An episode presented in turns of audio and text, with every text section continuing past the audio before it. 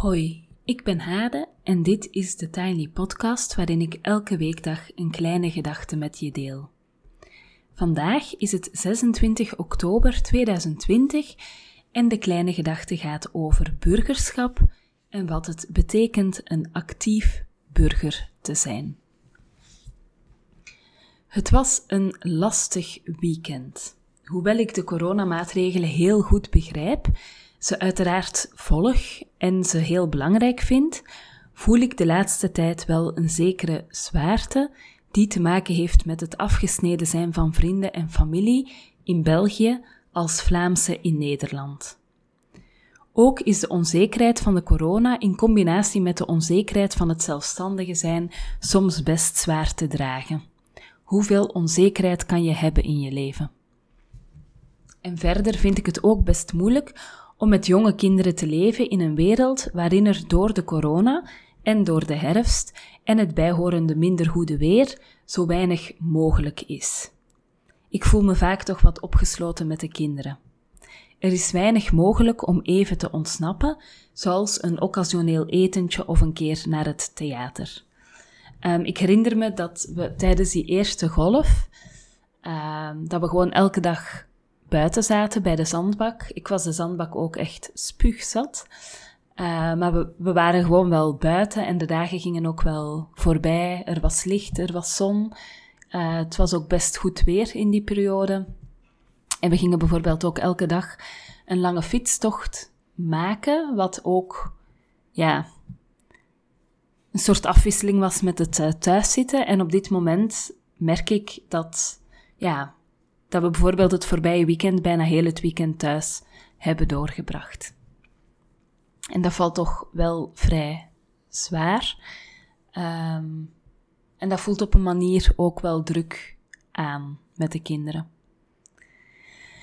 En daarbij kwam dat ik dit weekend een paar wat zwaardere besluiten heb moeten nemen voor mijn bedrijf. Zoals het besluit het verjaardagsfeestje van mijn bedrijf niet te laten doorgaan. Um, dat betekent dat ik het uitstel, alleen is het ook heel moeilijk in te schatten naar welk moment ik het kan uitstellen. Ik denk dat dit de enige juiste keuze was, maar ik vond het echt een heel zware knoop om door te hakken. Vanaf januari zou ik ook weer een reeks van twaalf avonden live uh, de Artist Way geven, maar ook dat heb ik afgezegd omdat er te veel onzekerheid is en ik die cursus niet online wil laten doorgaan. En tenslotte was er de, mat, uh, sorry, de Matrescence cursus over het moederschap, waarvan ik besloten heb dat de vorm niet klopt. Het is en was een cursus om eerlijk te zijn en verbinding te vinden met elkaar over het moederschap en bepaalde thema's op te pakken. Maar ik merkte dat de toen van huiswerkopdrachten, de tussen haakjes jonge moeders, dus de moeders en jonge moeders, zwaar viel, dat het moment, namelijk zondagavond, ook zwaar aanvoelde na een druk weekend en voor een nieuwe werkweek. Ik voel dat de cursus meer in de richting van een vrouwencirkel, maar dan met moeders, uh, moet evolueren, waar vanuit gelijkwaardigheid gedeeld wordt en connectie gemaakt wordt rond thema's uh, die te maken hebben met het moederschap. Maar het was uiteraard echt niet fijn om een gemaakt plan op te schorten, om de deelnemers af te zeggen en weer naar de ontwerptafel te moeten. En dan was er ook nog een plan om in maart, het eerste weekend van maart, een weekend uh, te doen voor een klein groepje. Um, en ook dat weekend zit in de koelkast, omdat het op dit moment gewoon niet te overzien is hoe de situatie op dat moment zal zijn en of het mogelijk en verantwoord gaat zijn om um, ja, met elkaar um, op weekend te gaan. En daarbij komt dan ook nog dat opdrachten voor organisaties weer um, afgezegd worden of weer uitgesteld worden. Kortom, het is een heel rare, onzekere periode. Ja. En ik merk dat ik daar veel minder goed mee kan omgaan dan de vorige keer. Zoals jullie weten schrijf ik morning pages en ik merkte de laatste tijd dat die morning pages me zwaar vielen. Dus dat zijn drie bladzijden intuïtief schrijven, wat je ochtends doet voor je andere dingen doet. Ehm, en vaak is het zo dat als er iets niet klopt, of als ik een knoop moet doorhakken, of er een verandering nodig is, dat ik die morning pages dan wil vermijden, of dat ik dan bedenk dat ik daar toch geen tijd voor heb, of uh, iets in die aard. Want het is onmogelijk om niet eerlijk te zijn met jezelf in de morning pages. Dus als je zo ochtends met een kopje koffie alleen zit te schrijven, gewoon intuïtief schrijven, dan ja, je kan jezelf niet voor de gek houden in je morning pages. Je krijgt altijd, of ik krijg van mezelf altijd uh, de rauwe werkelijkheid. En soms is dat leuk en positief. En schrijf ik ook allemaal dingen op waarvan ik geniet en die mij, ja, waar ik blij mee ben. Maar in een tijd dat ik moeilijke knopen moet doorhakken, is dat ook best naar om te doen. Dus dan wil ik die morning pages liever ontwijken. Maar dat is een teken dat ik natuurlijk net dan moet schrijven. En vanuit dat schrijven werd het mij duidelijk wat ik te doen had. En wat ik te doen had, dus dingen uitstellen, opschorten, afzeggen, dat was naar en het kostte mij ook echt veel energie, maar ik denk dat het wel de juiste keuze is of was. Um, op 1 november begint een nieuwe cursus 30 Days of Morning Pages. Dus stel dat jij voor jezelf ook zo'n uh, onaangename, confronterende schrijfpraktijk wil ontwikkelen om eerlijker te zijn met jezelf en echt stappen te gaan zetten in je leven. Uh, ook stappen die je misschien liever niet wil zetten of dingen die je zwaar vallen, dan kan je je dus aanmelden voor die cursus om dat uh, begeleid uh, op te bouwen. Um, ik zal het linkje in de show notes zetten. Voilà. Anyway, het kan dus niet elke dag feest zijn, denk ik dan maar. maar dat is een grapje. Er zijn gelukkig ook dingen die heel voedend voor me zijn en die helemaal kloppen. Ik geef bijvoorbeeld op dit moment een cursus over burgerschap aan volwassen mensen, dus niet aan kinderen. Uh, voor kinderen is daar al een mooi aanbod in, maar voor, voor volwassenen um, is er weinig aanbod in het stellen van de vraag of het beantwoorden van de vraag wat het betekent om een actief maatschappelijk betrokken burger te zijn. Um, en ik merk dat die cursus mijzelf ook heel erg raakt. En ik heb verschillende mensen een getuigenis gevraagd over wat het voor hen betekent een actief burger te zijn. En dat heb ik bijvoorbeeld ook aan Des gevraagd. En ik was heel erg geraakt door haar open, oprechte um, antwoord vol zelfreflectie. Um, ja, dat heeft mij heel veel deugd gedaan om dat antwoord te horen. Uh, en ik nodig jullie natuurlijk uit om jullie ook te laten raken. Hier is het um, stukje van Des. Ik ben Des. Ik ben thuismoeder van drie jongetjes en ik woon in Groningen. En Hade die vroeg mij hoe actief burgerschap er bij mij eigenlijk uitziet in de praktijk. Ik voel me ten allereerste best wel vereerd dat Hade mij hiervoor gevraagd heeft actief burgerschap klinkt voor mij best wel als iets, um, nou ja, iets belangrijks, iets van een soort van hogere functie of zo. En zo zie ik het natuurlijk helemaal zelf niet. Um, ik denk dat ik echt pas een paar jaar geleden uh, erachter kwam waar het echt om gaat in het leven. Uh, waar je als mens eigenlijk echt gelukkig van wordt. En volgens mij is dat um, dat het gewoon niet om jou gaat. Dus het gaat niet om mij. Het gaat om de ander. En om de ander te helpen en er voor een ander te zijn en voor een ander te zorgen. En um, toen ik nog rechten studeerde, ging ik eens met een klasgenoot vrijwilligerswerk doen. Ik ging toen mee op zo'n zorgvakantie en mijn taak was om uh, lichamelijk gehandicapten te verzorgen. En die vakantie, waarvan ik werkelijk qua dacht, dat is dus een vakantie. Maar waar ik zo moe van thuis kwam, maar moe, maar ook um, die, uh, die eerste vrijwilligerswerk, dat was voor mij, het heeft mij zo erg mijn ogen geopend. Ik kreeg ineens zoveel dankbaarheid voor mijn eigen gezonde lichaam, maar ook immens veel respect voor mensen die in de zorg werken. En vanaf die tijd heb ik altijd uh, wel vrijwilligerswerk gedaan. Niet continu achter elkaar. Uh, soms houdt het op omdat ik het wat druk heb of omdat het toch niet bij me past. Um, ik heb eens, ook nog eens een vakantie gedaan met autistische kindjes ben eens zorgmaatje geweest voor iemand. Voorlees, voorleesvrijwilliger heb ik ook een tijdje gedaan, vond ik ook heel fijn. En op dit moment werk ik als uh, vrijwilliger voor de MIM. Nou, MIM, M-I-M, staat voor Moeders Informeren Moeders. En dat is eigenlijk ook precies wat het is. Je wordt dan gekoppeld aan de moeder die om wat voor reden dan ook hulp nodig heeft. En het hoeft echt niet iets heel zwaars te zijn. Je kunt ook gewoon denken aan een luisterend oor.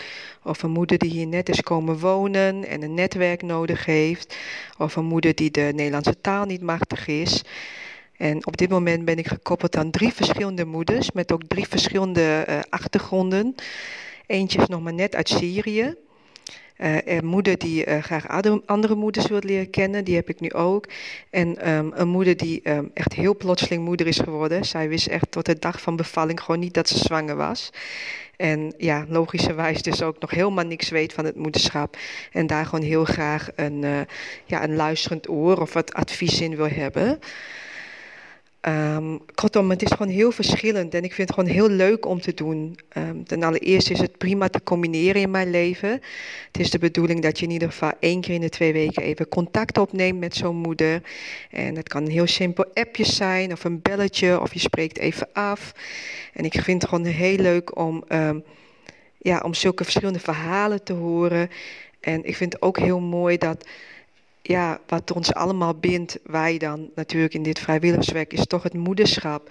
En ook dat ik heel veel van hun leer. En dat, dat vind ik ook altijd heel apart, maar ook wel weer heel mooi.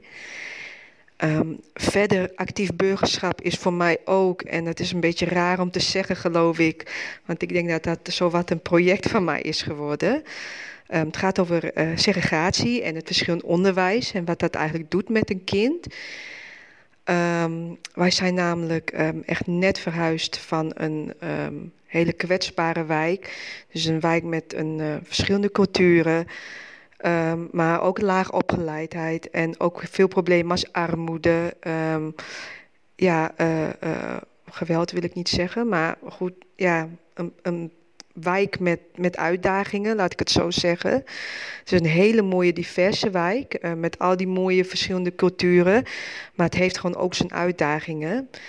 Dus daar wonen wij hiervoor en we zijn echt net verhuisd naar het hele andere uiterste van zo'n verhaal. Namelijk een hele witte wijk. Uh, met uh, twee verdieners, met vrijstaande huizen, waarin iedereen twee auto's heeft. En um, ja, ik word ontzettend met mijn neus op de feiten gedrukt.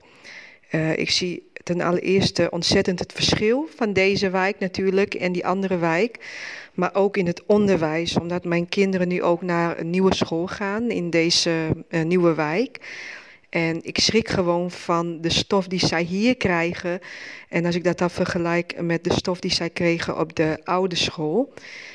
En ja, ik schrik daar zo erg van. En het is misschien een heel naïef gedacht van mij, maar ik kom er nu eigenlijk toch echt achter dat het wel degelijk uitmaakt, zelf in zo'n mooi land als Nederland, um, in zo'n stad als Groningen in 2020. Het maakt echt nog wel uit waar je wordt geboren, in welke wijk je wordt geboren, in welke school er in de buurt zit.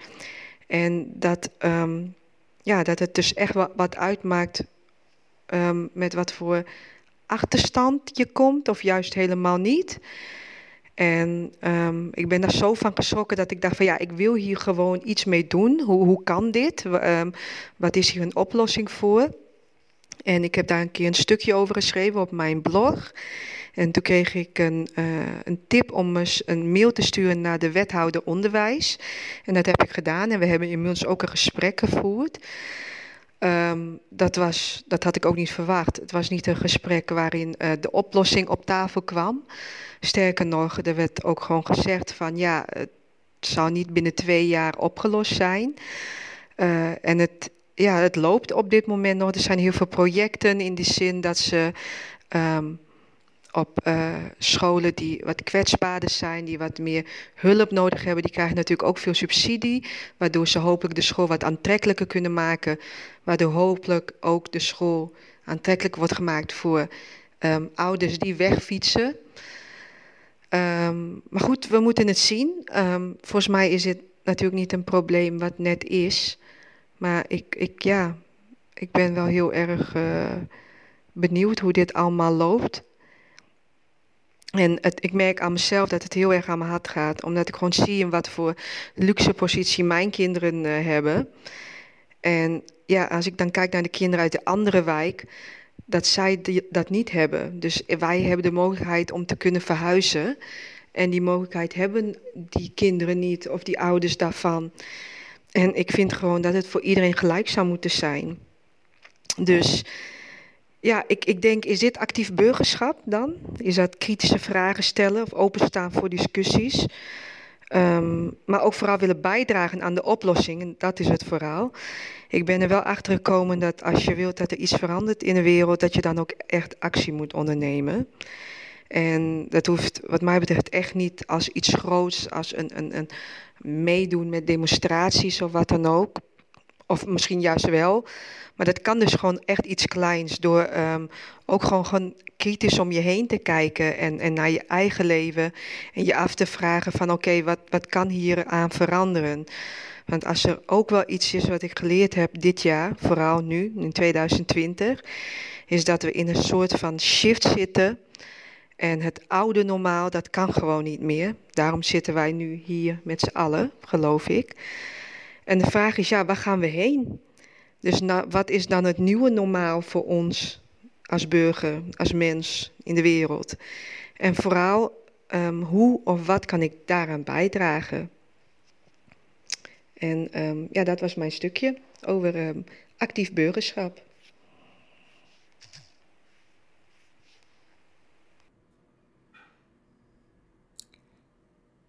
Tot zover de Tiny Podcast voor vandaag.